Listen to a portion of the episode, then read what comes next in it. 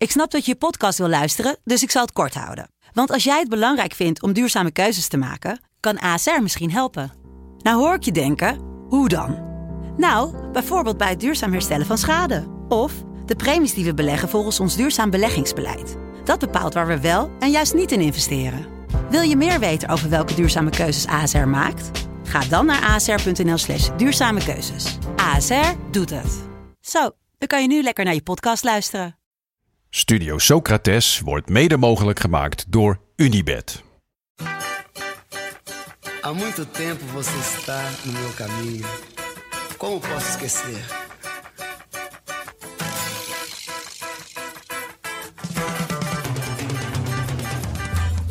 Welkom bij Studio Socrates, een podcast over alles wat voetbal mooi maakt. En ja, het WK in Qatar is lelijk, maar toch hoor je ons komende weken elke dag. Want we laten het voetbal niet van ons afpakken. Met vandaag dag 9 van het WK in Qatar. De olhar. Got it back in Yaki Williams. Missed it. Kunis doesn't know. He scores again. And Ghana lead 3 2. No seu modo de andar.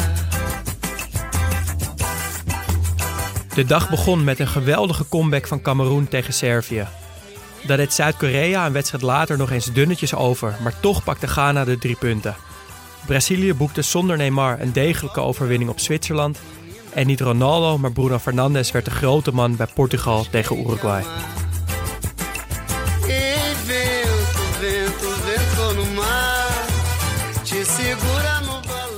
Ja, het was de laatste echte marathondag, Daan. Ja, We, zijn, we hebben het gered. We hebben nou, op een paar wedstrijden na eigenlijk alles gezien. ja.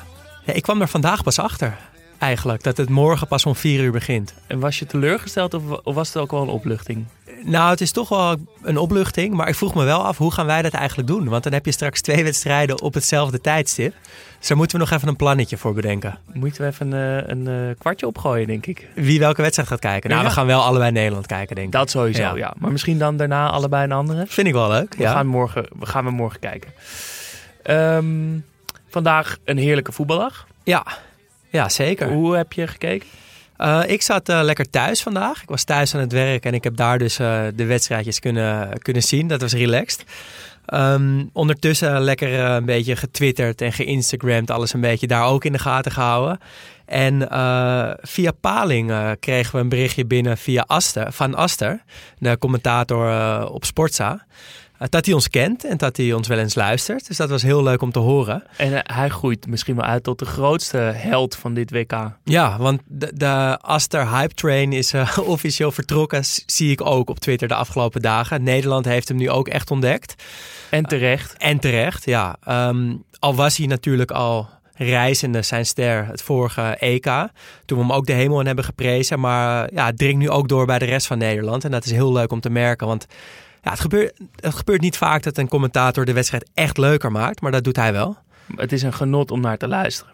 Ja, Eh, Panini. ja. Eh, we brengen een ode aan de Panini-plaatjes. Die zijn er voor de laatste keer. We hebben een pakje gekocht. En ga- dat zijn vijf kaartjes. En dan elke dag gaat er eentje in en gaat er eentje uit. Eh, de huidige selectie bestaat uit Johan Baks, Lucas Paqueta, Frenkie de Jong, Alexander Mitrovic en het glimkaartje van Argentinië.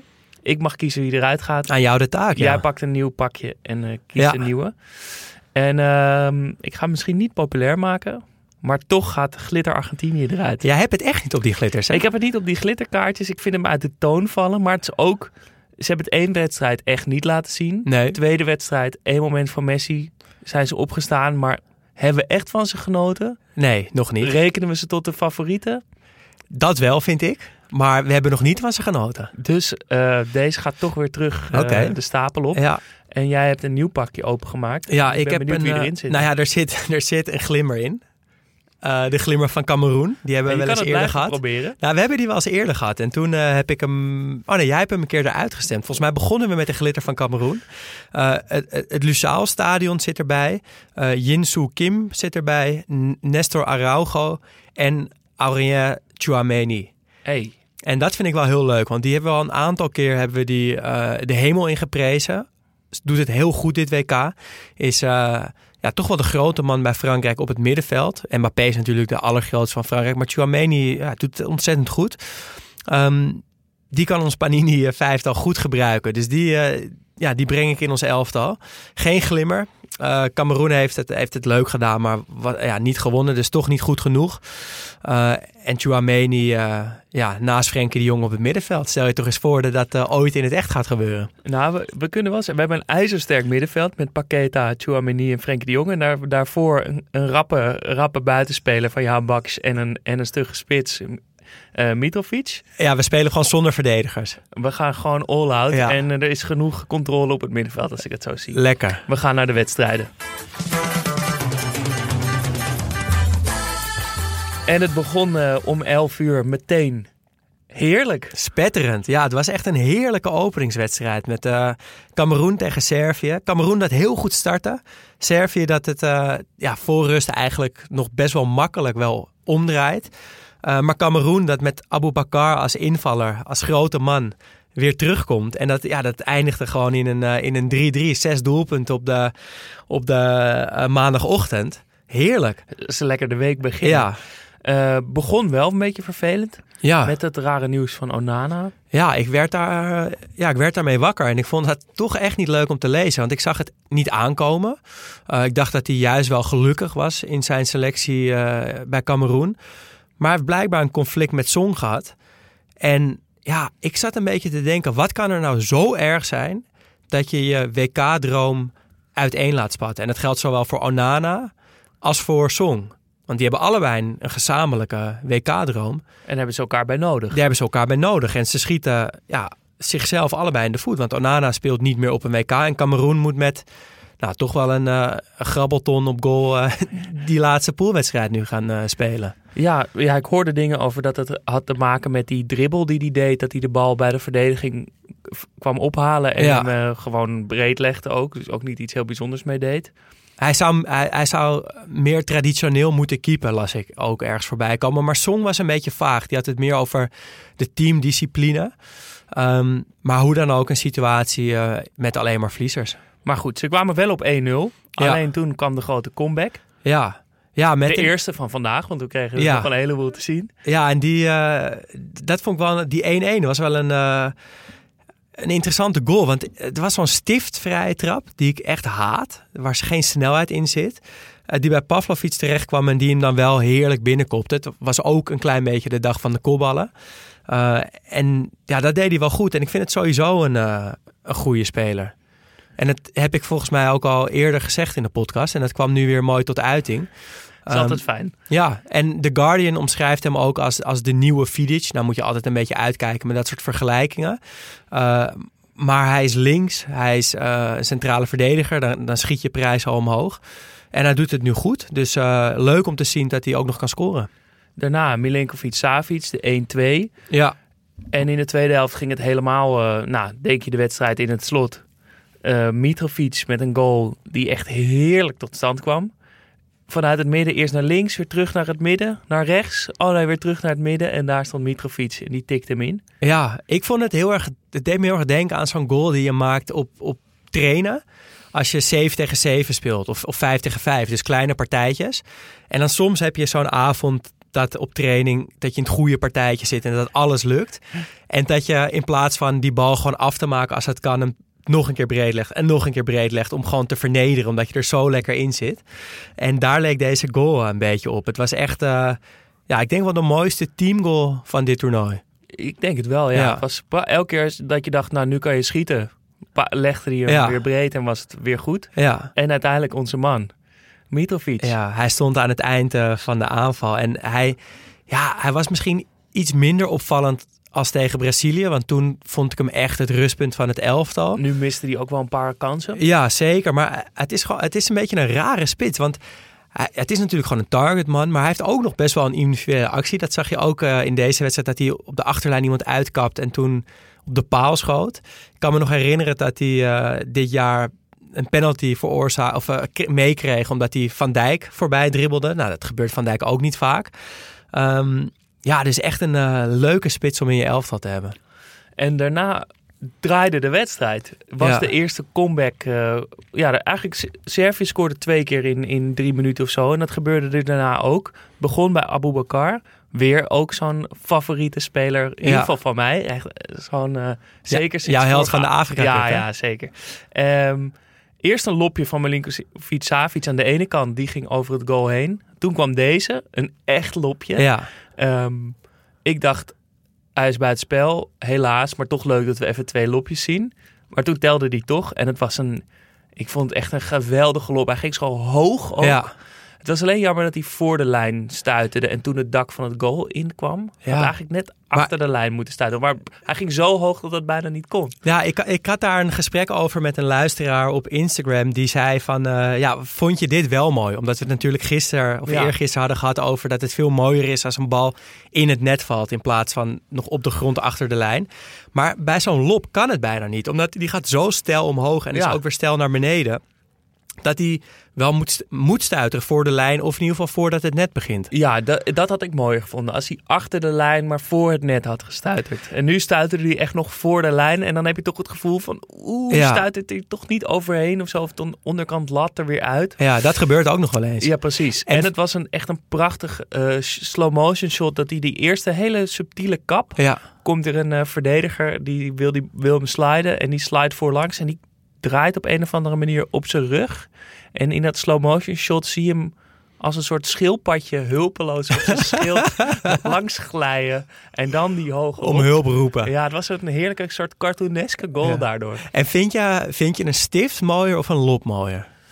Want dit zijn wel echt twee verschillende dingen, Ja, vind kan, ik. je, kan je het uitleggen wat dat volgens jou het verschil is? Nou ja, een, een lop gaat dus veel, ehm, ja, veel hoger en veel rechter ook omhoog. Eh, en het is ook meer zo'n ja, zo'n lopbeweging. Echt. lepel je Ja, echt. en- en schep je omhoog. Precies, en een stift is meer gewoon een schotbeweging, maar waar je gewoon op het laatste moment inhoudt, waardoor die bal heel veel terugeffect krijgt en daardoor omhoog gaat. En ik denk dat als je een goede stift uitvoert, die dus in, de, in het net ploft, zoals Bergkamper echt heel veel heeft gemaakt, dat ik dat wel het allermooist vind. Omdat een, een lop ziet er toch een beetje lomp uit. Die beweging is gewoon wat lomper. Ja. En een stift is wat verdekter of zo. Ja, en ik denk dat het ook wel met afstand te maken heeft. Van Ja. afstand moet, het, moet je wel echt stiften. Dan zeilt hij soms zo mooi over de keeper heen. En zo van dichtbij vond ik, dat, vond ik het zoals Abu Bakar deed wel echt, echt mooi. Ja. Want, want je daar zie- zie je vaak dat het met een stiftje gebeurt. Ja. En dan is het gewoon simpel afmaken. En hier lopte die Ja, maar echt zo'n ouderwetse lop als die van Abu Bakar, die zie je ook zelden op het voetbalveld. Het is een beetje wat Het kost ook meer tijd dan een stift. Als je een bal ergens in wil krijgen, Ja. in, een, in een in een basket wil lepelen, Daar dan moet ik heel erg lop. aan denken. Ja. Gewoon op gym vroeger. Als je, als je hem in de basket wil, daar kan je niet schieten, kan je niet stiften, want het is te hoog. Dus dan gebruik je de lop. Ehm, en daarna ook nog de 3-3. Ik zag het helemaal niet uit Ik ook niet. Totaal niet. Goede actie weer van, eh, van weer Abu Bakar. Gaf hem goed breed, want het was nog best lastig. En Choupo-Moting kwam ook heel mooi uit in zijn passen. Ja. Hij hoefde bijna niet te schieten, maar met links kwam hij precies uit dat hij die bal kon tikken. Ja. ja, en nog heel even over Abu Bakar, want dit deed hij inderdaad ook weer echt goed. Ehm, hij heeft ook voor het WK een, een, een soort van Kudus-interview gegeven. Dus Kudus vergeleek zichzelf met Neymar. Dat ontkende hij trouwens daarna eh, ook weer. Maar ja, de waarheid zal toch wel een beetje eh, in het midden liggen. Of misschien wel iets meer de kant naar The Guardian, de krant waar hij dat gezegd heeft. En Abu Bakar zei dus voor het WK dat hij niet zo onder de indruk is van Salah. Dat eigenlijk alles wat Salah kan, dat hij dat ook kan. Alleen dat hij gewoon niet het podium heeft, krijgt om dat te laten zien. Eh, bij Cameroen zit hij ook weer op de bank. maar hij komt er nu in.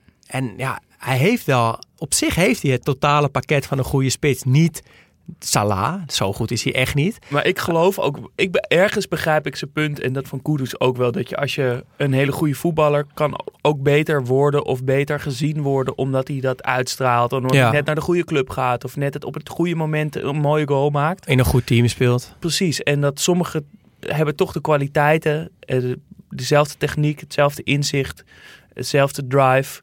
En missen een paar keer een kleine, afsla- een kleine afslag en raken dan dus Ja. komen niet in Europa net bij die club dat het ja dat Kan ik me wel voorstellen dat zijn frustratie dan Ja. komt van... hey, ik ben ook heel goed. Ja. Of hij zo goed is als Salah, dat denk ik niet. Nee, nee maar het heeft, het heeft iets eh, wat moois dat hij dat uitspreekt, maar ook een beetje iets treurigs. Dat je gewoon een beetje die oude, zeurende spits wordt, die het nooit echt heeft laten zien, maar dat het nooit aan hemzelf heeft gelegen. Ja, je moet het ze gewoon op het veld Ja, bewijzen. nou, en dat heeft hij nu wel gedaan. Heeft hij Ja. gedaan. Eh, tot slot, wat staat er op de pet van Rigobert? Ja, dat, dat, zou gewoon een, een mooi item kunnen zijn. Het zou, Wat als- staat er op de pet van een- Rigobert? Als Ja. hij elke dag een ander petje op zou doen, zou wel leuk zijn. Maar er staat op, en hij heeft deze pet vaak op, er staat op, c'est de ça qu'il s'agit. Wat zoiets betekent als, dat is waar het allemaal om draait. En we hebben het even voor de duidelijkheid over Rigobert Song, de Ja. trainer van Cameroen. Ja, ehm, hij heeft dat ooit gezegd op een persconferentie na afloop van een, van een wedstrijd. Ik kwam er niet achter wat de context was. Mijn Frans is helemaal niet goed. Ik heb het fragment teruggekeken. Hij zegt dit en dan barst de hele zaal in lachen uit. Dus ik weet niet precies waar het over gaat. Maar sindsdien is dat zijn motto geworden. Draagt hij dat altijd op zijn pet. En is er nu ook de Rigobert Song. De Rigobert Song. En hoe gaat hij dan? Nou, ik kan het, ik kan het, wel, ik kan het wel even laten horen. Ja, graag. Lijkt me leuk.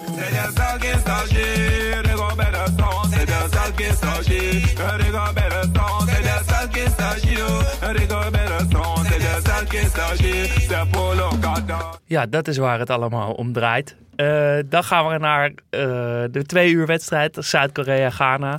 Ik was nog maar net bekomen. Ja, Of we konden er alweer voor gaan zitten. Weer zo'n geweldige wedstrijd. Elf doelpunten in twee wedstrijden. Uh, Ja, wat een feest. En ook hier een comeback. En dan eigenlijk nog een comeback op een comeback. Want Ghana komt voor, Zuid-Korea komt terug tot 2-2. Maar Ghana wint hem toch nog. Uh, ja, echt een wedstrijd uh, om, om van te smullen. En die werd nog leuker omdat Aster op de Belg commentaar gaf. En hij, uh, hij slaagde ook nog meteen voor de zelfbedachte Kim-test. Hoe hij alle Kimmen in de verdediging ging noemen. Hoe pakte hij het aan? Allemaal bij de voornaam. En hij verontschuldigde zichzelf op een gegeven moment van... ja, sorry, ik noem ze bij een voornaam... maar anders houden we ze niet uit elkaar. Ook nog eens bescheiden. Zo gewoon Hij loste het perfect op. Perfect. Wat ik ook nog wel heel leuk vond... was dat uh, er werden 10 minuten extra tijd uh, toegevoegd aan het einde. En ja, dat was natuurlijk heel positief voor Zuid-Korea, want die konden op, op zoek naar de gelijkmaker. Maar volgens mij wie er het allerblijst mee was, was Aster zelf. Die, die sprak dat, dat uit met, met zoveel uh, zin in die laatste tien minuten om dat nog te mogen becommentariëren. Deed me een beetje denken aan dat moment van Frenkie de Jong tegen de Graafschap. Dat hij naar de scheids toe loopt en zegt, scheids wil je alsjeblieft wel gewoon de extra tijd uh, uit laten spelen. Want ik wil zo lang mogelijk voetballen. En Aster wil volgens mij gewoon zo lang mogelijk becommentariëren. De Frenkie de Jong van het commentaar. Ja, Heerlijk. Ja, het was geweldig.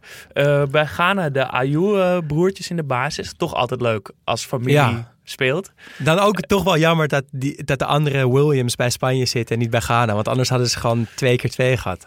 Uh, Aster ging ook helemaal los over de indraaiende ballen van, uh, van uh, een van die broertjes, ja. Van, ja, ik, en, ik wist ook helemaal niet dat hij dat in zich had. Het waren echt geweldige ballen. Ja, geweldig. En goed aangesneden. Allemaal, allemaal goed. Ja. En elke keer als er eentje was, zei hij: Kom uit de keuken, want hij gaat ja. weer aanleggen. Ja.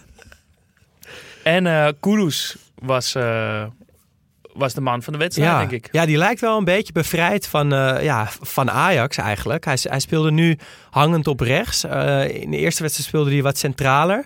Um, maar die, ja, die is wel aan het doorbreken op het internationale podium. Die heeft in de Champions League natuurlijk ook wel een paar goede wedstrijden gespeeld. Maar neemt nu Ghana bij de hand.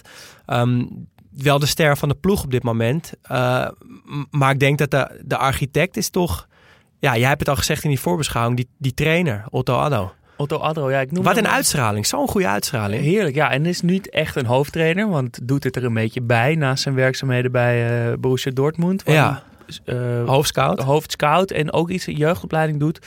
Um, maar ik had hem een, een horlogemaker genoemd. Hij is echt een tacticus. Op de kleine, kleine halve centimeter is hij bezig dat elftal neer te zetten. En dat zie je volgens mij toch ook wel terug. Het staat gewoon echt goed. Um, en ze speelden leuk. Ja, ja en het, leek er ook op alsof ze ja, weg zouden lopen bij Zuid-Korea. Maar daar, daar dacht uh, Cho Gae-sung toch anders over. En dat vond ik ook wel leuk, want ik heb hem nog even genoemd na de eerste wedstrijd van Zuid-Korea. Dat ik zei, wat een leuke spits die daarin kwam. En nu mocht hij vanaf het begin beginnen. Uh, net zo'n lekkere targetman als, uh, als Mitrovic. En die legt er gewoon twee kopballen in. Heerlijk. Heerlijke kopballen. En het is niet alleen jou opgevallen dat het een lekkere spits is. Eh, letterlijk, een lekkere spits. Ja, hij ziet er goed Want, uit eh, ook hij ziet er goed uit. Ehm, hij is dus eh, een fenomeen aan het worden. Had 3000 eh, Instagram-volgers voor vorige wedstrijd. Ja. Door dat in- invalbeurtje werden dat er diezelfde dag 300.000.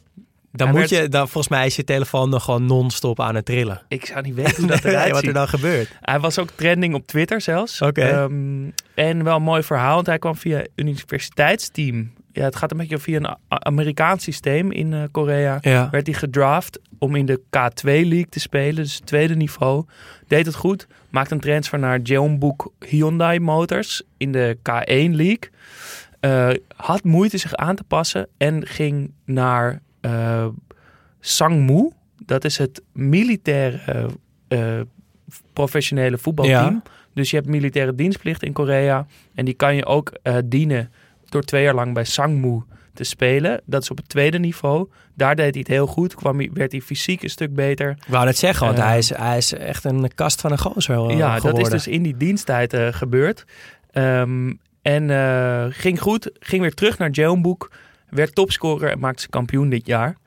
Eh, en is dus echt een idool aan het worden. Twee keer gescoord. Ik heb net even gecheckt hoeveel Instagram-volgers hij heeft. 1,2 miljoen. Dus het gaat echt Dat heel gaat hard. wel lekker. Ja, nee, maar hij, hij, ziet er, eh, hij ziet er echt uit als een superster. Ja, Dat was ik schreef het ook in het dokje toen, toen ik dit verhaal ook nog niet kende. Van hij, hij moet wel bekend zijn of bekend worden. Dat, dat, dat aura heeft hij gewoon om zich heen hangen. En hij deed me toch ook wel een beetje denken aan die andere langharige Zuid-Koreaanse spits uit 2002. Aan. Ja, ja. Lijkt hij ook wel echt op. Ja, en, die, en ze beleven dus allebei hun doorbraak eh, op een WK. En, en ja, en, en, en bijna leken dus ook nog, ja, nog mooier te worden.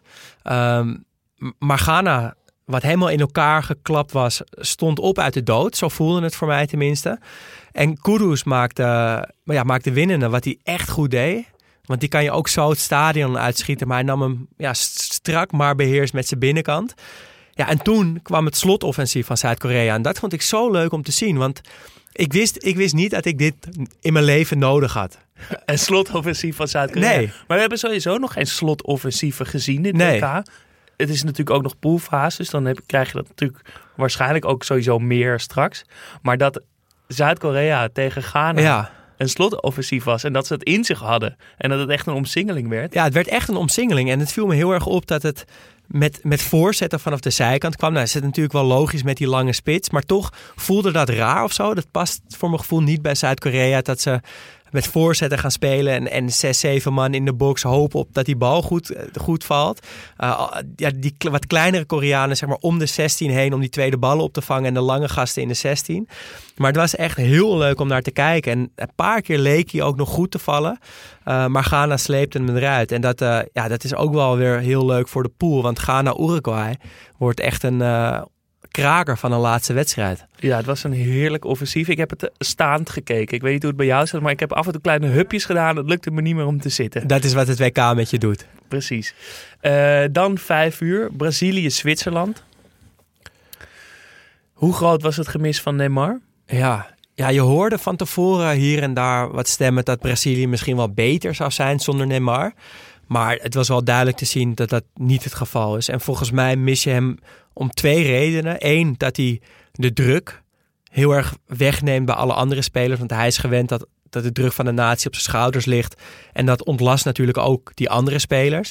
Maar het belangrijkste is denk ik dat je zijn creativiteit mist. Want ik denk toch dat creativiteit misschien wel het hoogste goed is in het voetbal. Het, het meest bijzondere om te hebben. En spelers als Vinicius en, en Rafinha en Rodrigo, die, die hebben dat ook wel een klein beetje in zich, maar niet zoals Neymar dat heeft. Maar wat, ja, ik, dat zijn ook van die termen die dan wel vallen. Maar ik weet dan denk ik niet zo goed, wat, wat is dat dan? Wat is creativiteit op een voetbalveld? Uh, ja, ik denk dat het voor mij is om, om van niets iets te maken. Dus, dus Neymar kan kan de bal ergens op het middenveld uh, komen ophalen. Gewoon van de voet van Casemiro. Het is een totaal ongevaarlijke situatie. En hij doet iets, iets wat er nog niet was. En die hele situatie verandert. En het wordt opeens gevaarlijk. Iets wat je gewoon ja, niet kan bedenken of niet kan uitvoeren. Wat je niet verwacht. Um, er, is, er is niets. En dan krijgt Neymar de bal en dan gebeurt er iets. Dan verandert, ja, dan veranderen de, de verhoudingen in, ja, op een veld ehm, worden er openingen gecreëerd en dan gebeurt er opeens iets. Ja, dat is, dat, dat is inderdaad wat het is. Maar ik zit dan toch te denken, want ik, ik heb al een kunstacademie gedaan ooit. En dan, wat ik zie als creativiteit, zeg maar los van het voetbal, is, Ja. is niet een soort goddelijke, opeens poink, valt het in je hoofd. En Er is een niet, idee. Niet zomaar een Het is niet ingeving. een, van niets iets maken. Je maakt iets van, van inspiratie en van training en van hard werken en op zoek gaan en mee bezig gaan, over nadenken en opschrijven en maken en een andere kant op proberen. En, eh, is is Ja, maar niet zo'n. Ja, maar ben ik het helemaal maar mee eens hoor. voetbal Maar- lijkt het dan zo uit het niets te komen. Ja, maar ik denk dat, dat alles wat jij nu zegt, dat Neymar die bagage heeft. Want hij voetbalt al vanaf zijn vijfde of zesde of zo. En dat is dan gemixt met een heel bijzonder talent, wat hij gewoon heeft meegekregen. Eh, en dat stelt hem in staat om, om dan van, van een nietsige situatie een gevaarlijke situatie Maar te het maken. is bijna. Het gaat niet om niets, maar om gewoon meer zien dan de ander. Meer zien dan de mensen op het veld. Meer weten, meer een stap verder zijn. Ja, maar ik denk wel dat het, eh, dat, dat echt bij de aller, allerbeste spelers puur intuïtie is. En dus dat zij wel al die uren erin gestopt hebben, maar dat hebben die andere voetballers ook. En toch zijn er een paar, die op per, paar ter wereld die dat gewoon kunnen. En Neymar is dat en Messi is dat. En Zidane was dat natuurlijk vroeger. En zo zijn er nog een paar geweest, maar dat is wel echt zeldzaam. En dat zag je vandaag, dat Brazilië dat echt miste. Ehm, het was lekker dat eh, Jan Roels eh, het commentaar deed. Zeker, de- dat kan toch ook geen toeval zijn met Fred. Ja, vorige wedstrijd was hij on fire. Ja. Hij heeft de helft van de Braziliaanse elftal op zijn Braziliaans uitgesproken. Eh Fred, ja, die stond in de basis. Dat was natuurlijk genieten. Hij zei ook Alex Sandro. Ja, en Rodrigo natuurlijk. Rodrigo, maar dan wel Casemiro. Ja. Ik vind dat selectieve vind ik eigenlijk wel goed. Ik vind het ook wel leuk. En ik weet gewoon bijna zeker dat de NOS bewust Jan Roels voor Brazilië heeft gezet. Uh, Arno Vermeulen kreeg ook weer Cristiano Ronaldo. Ga- gaan we het zo over De hebben. goat. Ja, dat kan ook geen toeval zijn. Dus ik denk dat de NOS gewoon dit WK hun voorkeuren, dat de commentatoren hun voorkeuren mochten doorgeven. En dat daar rekening mee wordt gehouden. Maar de belangrijkste vraag is natuurlijk, hoe was het met je mannetje? Met Richarlison? ja, ja, nou ja, dubbel een beetje. Aan de ene kant heel goed, want ik weet niet of jij het al gezien hebt, maar je kan dus nu door de stad fietsen en opeens een naakte Richarlison op een abri zien. Nou, niet helemaal naakt. Ja, oké, dus hij- hij heeft een Calvin Klein onderbroek aan. Ja. Maar ik fietste dus gewoon laatst naar huis van de podcast. Had je het net een, een uur over Richarlison gehad? Zie ik hem opeens gewoon in zijn onderbroekje tevoorschijn komen. Nou, dat was echt geweldig. Dus dat, dat maakt me heel blij. Ehm, en het gekke is aan de andere kant, als ik hem zie spelen, dan, ja, dan vind ik het ongepolijst. Dan vind ik het eigenlijk niet zo goed. Eh, dan vind ik het een beetje een, een, een harde werker zonder een speciaal talent. Ehm, maar toch hou ik van hem. En ook als hij, zoals vandaag, eh, niet zo heel veel gepresteerd heeft. Ja, het ziet er soms een beetje eh, lomp uit of zo. Maar het is ook... Ja, je zou maar spits van Brazilië zijn. En je zou maar al die andere aanvallers eh, in je nek hebben hijgen. Ja. Wat een druk. En hij lijkt het toch totaal comfortabel. Het lijkt hem helemaal te passen. Van ja, ik ben de spits Kom maar op. Ik vind het leuk. ja. Ik heb er zin in. Het zit me als gegoten. En ik ga lekker Ja. scoren. Nee, En hij- loopt daar niet voor weg. ook iedereen dat. Ja. Ook voel je gewoon hem in die rol groeien. Ja, nee, maar dat is, die, dat is die uitstraling van hem, denk ik, waar we het de vorige keer over hadden. En waarom ik zo graag beste vrienden met hem wil zijn. Want hij, hij straalt iets heel, eh, ja, heel relaxed uit of zo op een bepaalde manier. Ja, tevreden. ja. Eh, er staat ook zo'n mooi camera-shot in deze wedstrijd. Ik weet niet of het je is opgevallen, maar Richarlison eh kwam erin voor. ja. Het was, met die eh, paas buitenkant voet, ja, denk ik dat je naartoe ja, gaat. Er was een, een, een shot en ik denk echt, Spielberg, als hij het in een film had na willen vertellen, had hij het ni- echt niet mooier kunnen filmen. Want er was, het was die kans van Richarlison in de 56e minuut met een voorzet van eh Vinicius.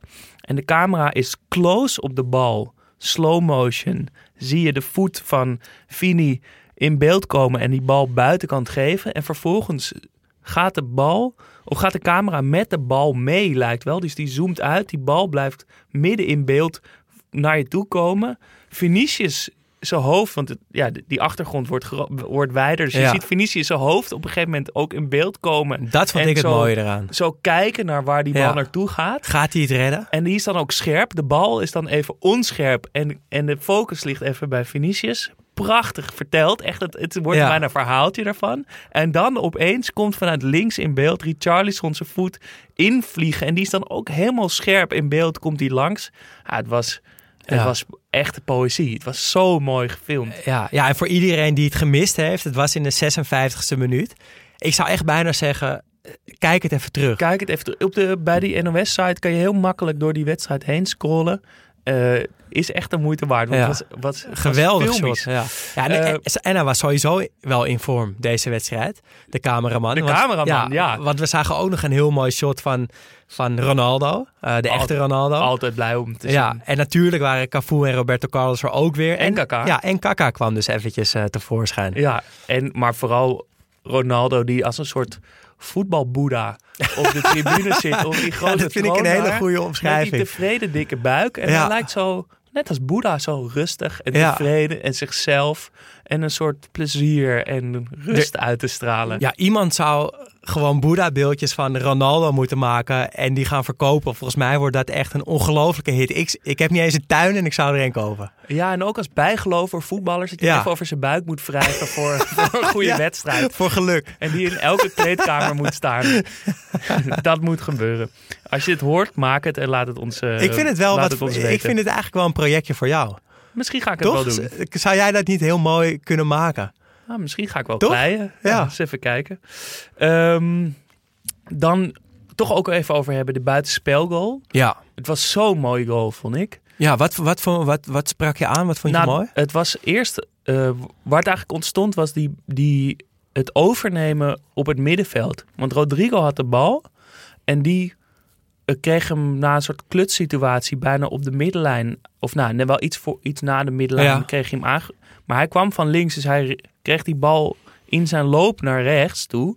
Maar er zat een verdediger in zijn rug, dus hij kon niet omdraaien. Want de ruimte lag bij Vinicius aan de linkerkant. Dat lag helemaal open, dat wist hij. Ja. Maar hij kon niet draaien. En toen kwam denk ik Bruno Ja, Guimaraes, Guimaraes het, ja. Die kwam hem kruisen. En je, je zag dat zij een blik hadden van... die bal moet Ja. naar Vini. Eh, ik kan het niet doen. En dat hij... Het was zo'n mooie organische overgang. Ja. En die gaf die bal ook perfect. Ja, hij gaf hem echt perfect. Ja, want wat ik mooi aan deze paas vond, was dat hij hem... Hij nam heel veel risico. Terwijl eh, Fini stond helemaal vrij, dus hij had geen risico hoeven nemen. Maar hij speelde hem eigenlijk op de centimeter nauwkeurig zo ver naar binnen toe... dat die verdediger uitstapte om hem te onderscheppen, maar er net niet bij kon. En daardoor was Fini eh, die verdediger in één keer kwijt. Want als hij hem ver naar buiten had gespeeld, had hij moeten opzoeken, actie maken. En nu lokte hij die verdediger eigenlijk om de bal te onderscheppen. Uh, maar hij kon er net niet bij, dus dat was, uh, was schitterend. Fini wachtte trouwens ook goed met afwerken. mooi, Zo rustig. Langer dan, dan normaal spelers wachten. Maar ja, het was dus eerder in de aanval Ja. bij Richarlison al buitenspel. Terecht, jammer. Uh, maar het was wel een beetje de opmaat naar de 1-0. En Casemiro die hem ja, wel echt lekker inschiet. Via de bips, maar Ja, een klein minimaal, beetje. via- minimaal. Ja, ja. 1-0 en Brazilië wint terecht. Wel degelijk, niet swingend. Uh, Zwitserland, Nou. wat vinden we daarvan? Ook degelijk niet swingen. Ja, ja. Uh, maar ik, ja, ze hielden op zich best wel lang goed stand. En op een gegeven moment kwam die molen wel echt op gang bij Brazilië. Ja. En toen hadden ze niks meer in te brengen. Ik vond die Murat Yakin, de, de bondscoach, die had ik eigenlijk nog nooit gezien. Maar die leek, wat mij betreft, op een bondvillain. ja, ja als Met hij dat- nog een andere carrière zoekt dan uh, bij deze. Die kan met, die, uh, met de regisseur van vandaag, Ja. uh, kan hij in een film Ja. spelen. Uh, en ik vond Sommer heel goed. Heel goed aan de bal. En heel, heel rustig uh, in de goal. Ook een echte WK-speler, hè? Ja, die kan wel echt in, Ja. ons, uh, in ons rijtje. Want zo'n grote clubcarrière heeft hij Nee. helemaal niet. Um, maar op toernooien is hij er toch elke keer bij. Dus die, En altijd goed. en altijd goed. Dus, dus die komt sowieso in het rijtje. En dan naar de acht uur wedstrijd. Uh, Uruguay, Portugal. Ja. Vorige keer ergerde je groen en geel aan Ronaldo. Hoe was het nu? Ja, ik vond het helemaal na die lekkere invalbeurt van Rafa Leao toch wel weer echt jammer dat hij erin stond. Maar ja, iedereen had het verwacht. Ik had het ook verwacht. Uh, maar ik heb wel een, iets moois ontdekt bij Ronaldo. Oké, okay, oké. Okay. Namelijk, ik heb hem denk ik gisteren, uh, vandaag gisteren, voor de eerste keer in mijn leven zien twijfelen. En dat was namelijk bij die 1-0. Dus Bruno, Guima, of, uh, Bruno Fernandes slingert hem in. Ronaldo lijkt hem uh, ja, te schaven eigenlijk, waardoor die bal in de lange hoek uh, vliegt. Hij rent weg maar ik, ik zag twijfel in zijn ogen. Ik zei het ook al meteen tegen je. Volgens mij heeft hij hem helemaal niet geraakt. Want hij, ja, hij kwam niet met die soe. Hij was eigenlijk veel te blij met Bruno Fernandes. Dat is ook niks voor hem, want die twee liggen elkaar helemaal niet goed. En ik zag gewoon een twijfelende Ronaldo. En dat is toch iets wat je, wat je, wat je nooit ziet. Maar hij Eh, want je zou denken, hij, hij, hij eist hem gewoon op. Hij Ja, zegt, ik ik, denk- ben het. Ik- even naar mijn borst wijzen, even naar beneden wijzen. Nou, nee, ik denk dat hij juist in een situatie gebracht is dat hij dacht van... oké, ik, ik wil dit natuurlijk gewoon volledig opeisen. Maar ik heb hem niet geraakt, dat weet ik.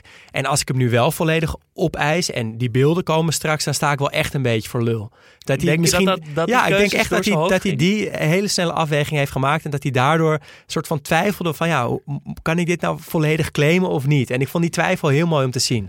Nou, fijn dat... eh, ja, je, ja, hij doet toch ook wel weer dingen. Die paas met die schouder in, het, in Ja. de eerste helft. Het is verschrikkelijk, maar het is ook wel weer functioneel of zo. En hij komt ook aan, dus je kan hem ook niet helemaal haten. Nee, maar je wil, het past ook wel bij Portugal dat, dat je ze een beetje vervelend vindt of zo. En dan, Sommige landen zijn gewoon Ja. de bad guy, altijd. ja, en dan, dan hoort het ook dat Ronaldo in het veld staat. Net als dat het dan hoort dat Pepe in het veld staat. En dat die rare, doorrookte trainer langs de kant staat.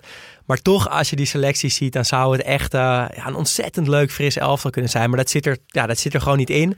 En bij deze geef ik die hoop voor dit toernooi ook gewoon op. Het is goed zo. Maar ja, eh, de, het zou zomaar kunnen dat ze toch aan de hand van Fernandes Ja. een, een eind gaan komen. Want hij was waanzinnig goed vandaag. Ja. Twee goals. Ja, Eh, had er ook nog twee keer bijna een hat Ja. van kunnen maken. Ja, dat was de eerste hattrick van dit toernooi geweest. Hij eh, ja, is toch eigenlijk een beetje de echte leider van Portugal in zijn doen en laten. Hij neemt het team op sleeptouw. eh, goed aan de bal, goed zonder bal. En bij hem vind ik het altijd heel opvallend dat zodra hij in de buurt van de goal komt, metertje of 20, 25, gaat hij altijd op zoek naar de beslissende paas. En dat kan heel vervelend zijn, omdat eh, het gaat natuurlijk vaak fout. Alleen hij is ook nog wel zo vast aan de bal dat er, dat er heel vaak iets goeds uitkomt. Eh, en dat maakt hem voor mij wel echt een, eh een supergoeie speler. Ik zag ook dat hij in, een, eh, in de statistiekje tijdens de wedstrijd het meeste balverlies had van, van alle spelers op het veld. Ja. Maar dat komt dus omdat hij altijd op zoek gaat. het is een beetje wat Ziyech ook heeft. Gewoon blijven proberen, blijven doen. En nou, wat jij zo mooi ooit zei, is dat, dat hij goed is omdat hij fouten maakt. Ja, om durf te maken. Ja. Doe het maar eens. Ja. Durf maar eens op het hoogste, hoogste podium een risico ja, te nemen. Nou, dat doet hij eh, de hele tijd. Verder eh William Carvalho, eh, gewoon een leuke speler om te zien. Zo'n rustige, verdedigende middenvelder met een goede look. Ja, en ook niet een soort modieuze snor, maar Nee. hij rokt hem al, al jaren. Ja, ja. En, eh, Lijkt hoort- bijna een plaksnor. en we hebben het ook wel vaker over hem gehad. Ja. Hij heeft een keer een hele mooie panna-goal gemaakt bij Betis. ja, Ehm, ja, heerlijke speler, bracht heel veel rust. Kan je er altijd goed bij Ja. hebben, volgens mij. ja, en, en, en eh, aan de andere kant was eh Betancourt is opeens een goede voetballer geworden. Ja, nooit zo fan van geweest, Nee. volgens mij. Nee, ik niet. Ik vind het, ik vind het nog steeds wel eigenlijk een beetje een budgetversie van Valverde. Weet je, zien er een beetje hetzelfde uit, maar Valverde is eigenlijk gewoon in alles beter. Uh, maar, Betancourt speelt een goed WK tot nu toe. En Valverde niet. Nee. Had dan ook een opvallende look, helemaal in dat wit, met, met zwarte kiksen en Ja. zwart, zwarte sokken leek het ook wel eronder. Of zwarte kousen. Of eh, tape om zijn enkels. Eh, zie je ook niet vaak. Nee, het is wel eh, opvallen door zwarte kiksen te dragen. Het wordt opeens weer, eh, wordt opeens weer bijzonder. Als je maar lang genoeg gewoon blijft, word je vanzelf bijzonder. Ehm, maar die ene, die ene actie was natuurlijk wel waanzinnig. Die die op het laatst tegen de keeper aanschiet. Bij de, in de eerste helft. In de eerste Ja. helft. En ik, ik dacht dat ik hem zag denken van... Dit had mijn goal kunnen zijn. Ja, die slalom door de verdediging. Ja, sommige spelers hebben natuurlijk iconische goals gemaakt... waar ze altijd aan herinnerd zullen worden. En ik denk dat zo'n een hele mooie goal op zo'n toernooi... je ook een, een Eh, stap hoger kan brengen. Ja, het brengt je naar een volgend level. Ja. Daar geloof ik ook wel in. En hij is bij Tottenham natuurlijk nu al een soort van stapjes aan het zetten. Maar hij heeft nog iets nodig om Ja. in dat rijtje van Valverde te komen En- bijvoorbeeld. En dit had een goal kunnen zijn die zijn leven had kunnen veranderen. Ja. Zo'n soort gevoel had ik. En ik, misschien projecteerde ik het, maar ik had het idee dat hij dat ook snapte. Van, oh, dit had mijn goal kunnen zijn. Ja. Maar hij kwam niet. Mooie Ook observatie. mooi ja, zeker. Ja. Ehm, Mooiste actie van de wedstrijd was dat we... Die zagen we helemaal niet. Nou ja, we Nou, eventjes. ja, eventjes. Ja, dus die regenboogvlag op het veld. eh, we zagen hem door het, door, door het ja, beeld soeven, een halve seconde. En toen zagen we de scheidsrechter die vlag nog even oppakken. Ik vond dat eigenlijk het mooiste. Dat dat ook nog per ongeluk in beeld werd gebracht. Ehm, ja, eerste keer dat er zo duidelijk een actie eh, tijdens een wedstrijd gedaan wordt. Ja, laten we hopen dat het goed met diegene gaat. Ja. Maar het was een waanzinnig goede actie. Ja, meer van dit. En ik was ook blij inderdaad met die, eh, met die scheids die die vlag oppakte. Misschien deed hij het wel bewust om het nog even in beeld te krijgen. Ja. Hij leek in ieder geval, die scheidsrechter sowieso, los van deze actie, een beetje op die huppelende scheids uit een van de eerste YouTube-filmpjes. Die Ja. achteruit het veld over. Die ook zo heel eh, overdreven fluit. Ja, precies. Met heel veel ja, eh ik weet welke je bedoelt. Ja, met heel veel poespas. Met, eh. met veel gevoel voor show. Ja. En hij had een beetje hetzelfde huppeltje sowieso. Daar had ik ook voor, van genoten. Ik snap helemaal wat je bedoelt. Normaal ehm, rekenen we nu na deze bumper uit hoeveel geld er in de pot voor Amnesty gaat. Dat, ja. Ja, dat, we tellen elke goals, alle goals op. Want voor elk, te- op, voor elk doelpunt gaat er een euro naar eh, Amnesty. En Ja. voor elk tegendoelpunt van Qatar eh, een tientje. Tien, ja. Ehm, maar we hadden het eh, verkeerd berekend. Ja, we hadden een foutje gemaakt. En luisteraar Martijn wees ons daarop. Want de teller stond voor vandaag op eh, 117 euro en niet op 106 euro. Ehm, en dat klopt, we hebben het nagerekend. Dus we hebben ergens een foutje gemaakt. En, eh, Dankjewel Martijn ja. voor het eh, even erop wijzen. En met de goals van vandaag komt de teller op 131 euro. Dus dat gaat de goede kant op. Als je dit luistert, is het misschien 11 uur of bijna 11 uur. ehm, s ochtends. Want dan, eh, ja, dan gaan we groots uitpakken met deze actie. Dus dan krijg je een, eh, het linkje naar onze actiepagina op Twitter en Instagram. Klik daarop, deel het, retweet het. eh, breng het onder de aandacht. Want hoe meer geld we ophalen, hoe leuker en hoe beter. Ja, we hebben al een aantal donaties binnengekregen, wat natuurlijk echt te gek is. Ehm, en we hebben dus een, een actiepagina op de website van Amnesty waar je kan Ja, doneren. Dat Maar we je delen het linkje gewoon. Dus dan kan je erop klikken. En, En eh, je kan eh, meedoen hoe je wil. Wij doen het voor een euro voor elk doelpunt, maar dat kan dus eh, doneer wat je, wil, wat je kan missen. Wat je wil op je missen. eigen Ja. manier de- deze actie invullen. Morgen dus niet meer de hele dag voetbal, maar pas vanaf 4 uur. Nederland-Qatar natuurlijk. Ja, ja, dat, ja, dat kan en mag toch geen probleem zijn, zou je zeggen. Maar het is wel, ik zou het wel heel fijn vinden als het sentiment rondom het Nederlands elftal weer even naar de goede kant terugveert. Want het lijkt een beetje om te slaan naar negativiteit. Met twee keer niet zo goed gespeeld. En eh, de pijn niet helemaal fit. En Bergwijn uit vorm. En wisseling op het middenveld. Wat is nou de juiste samenstelling? Ehm, dus ik hoop dat Van Gaal wat doet om het weer de goede kant op eh, terug te laten veren. En wat mij betreft zou dat een van de jonge gasten een basisplek gunnen zijn. Dus, dus Noah Lang of Xavi Simons of Kenneth Taylor. Wat fris bloed in dat elftal. En het is de laatste kans om onze pot voor Amnesty dus even flink te spekken. Ja, dat ook eh, nog. elke doelpuntje tegen Qatar Ja. is een tientje. Ja. En eh, dit is hun laatste Dit is wedstrijd. hun laatste wedstrijd. En het is trouwens ook nog wel belangrijk om echt wel eerste te worden. En daarvoor zijn goals ook belangrijk. Want dan kom je eh, aan de goede kant van het schema terecht. Dus dat is ook nog wel belangrijk. De andere wedstrijd om 4 uur is Ecuador-Senegal. Ecuador zeg ik. En om 8 uur Wales-Engeland. Natuurlijk een leuke Ja. onderlinge rivaliteit. En er staat nog wat op het spel. En de VS tegen Iran. Wie weet weer een mooie update van Frank, onze insider Ja, man. dat zou heel top zijn. En ja, super beladen wedstrijd natuurlijk. Eh, ik hoop niet dat eh, Frank nog luistert. Maar ik denk heel stiekem dat Iran misschien wel gaat winnen. Nou, dan zeg ik snel dat, Amerika, dat ik denk dat Amerika gaat winnen. Eh, straks natuurlijk ons item van Elias Mazian, die een column en een muziek heeft uitgekozen voor, eh, van een land wat vandaag in actie is gekomen. Vandaag met muziek uit Servië. Ja, Eh, gaat heel goed.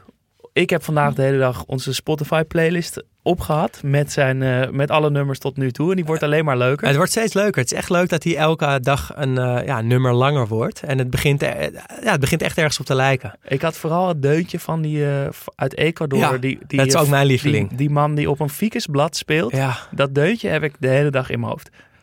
Zoek het op, op Spotify en, en luister het, ja.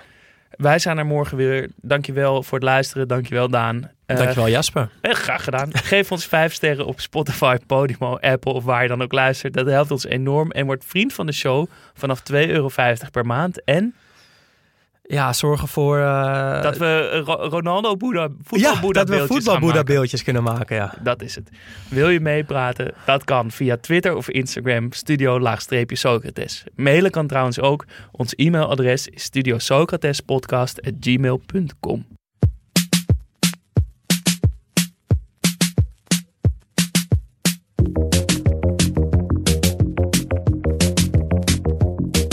deze aflevering gaan we naar het Belgrado van de vroege jaren 80. De communistische leider Tito overlijdt na een jarenlange heerschappij. Zijn dictatoriale bewind stelde hem in staat onrust te onderdrukken en politieke tegenstanders de mond te snoeren. Maar na zijn dood drijven de binnenlandse republieken uit elkaar. En de spanning loopt op, met tien jaar later de gruwelijke burgeroorlog tot gevolg. Het was ook een tijd waarin westerse invloeden, punk, new wave, synthpop, diep gewortelde communistische principes begonnen terug te dringen. Een tijd lang voelde het alsof feesten en optredens plaatsvonden in elke andere hoek van Belgrado. Zoals de Servische fotograaf Miladin Jelicic het verwoordde, de jaren 80 in Belgrado waren niet goud, maar zilver. In deze periode ontstond ook de band Beograd, wiens donkere synthwave geïnspireerd is door Kraftwerk en Ultrafox. Ondanks een kortzondige bestaan, ze brachten maar één album uit, waren ze pioniers in de Servische muziekscene en beïnvloedden ze vele latere new wave en synthpop bands. Tip, luister het album Remek Depo uit 1983. Tot morgen.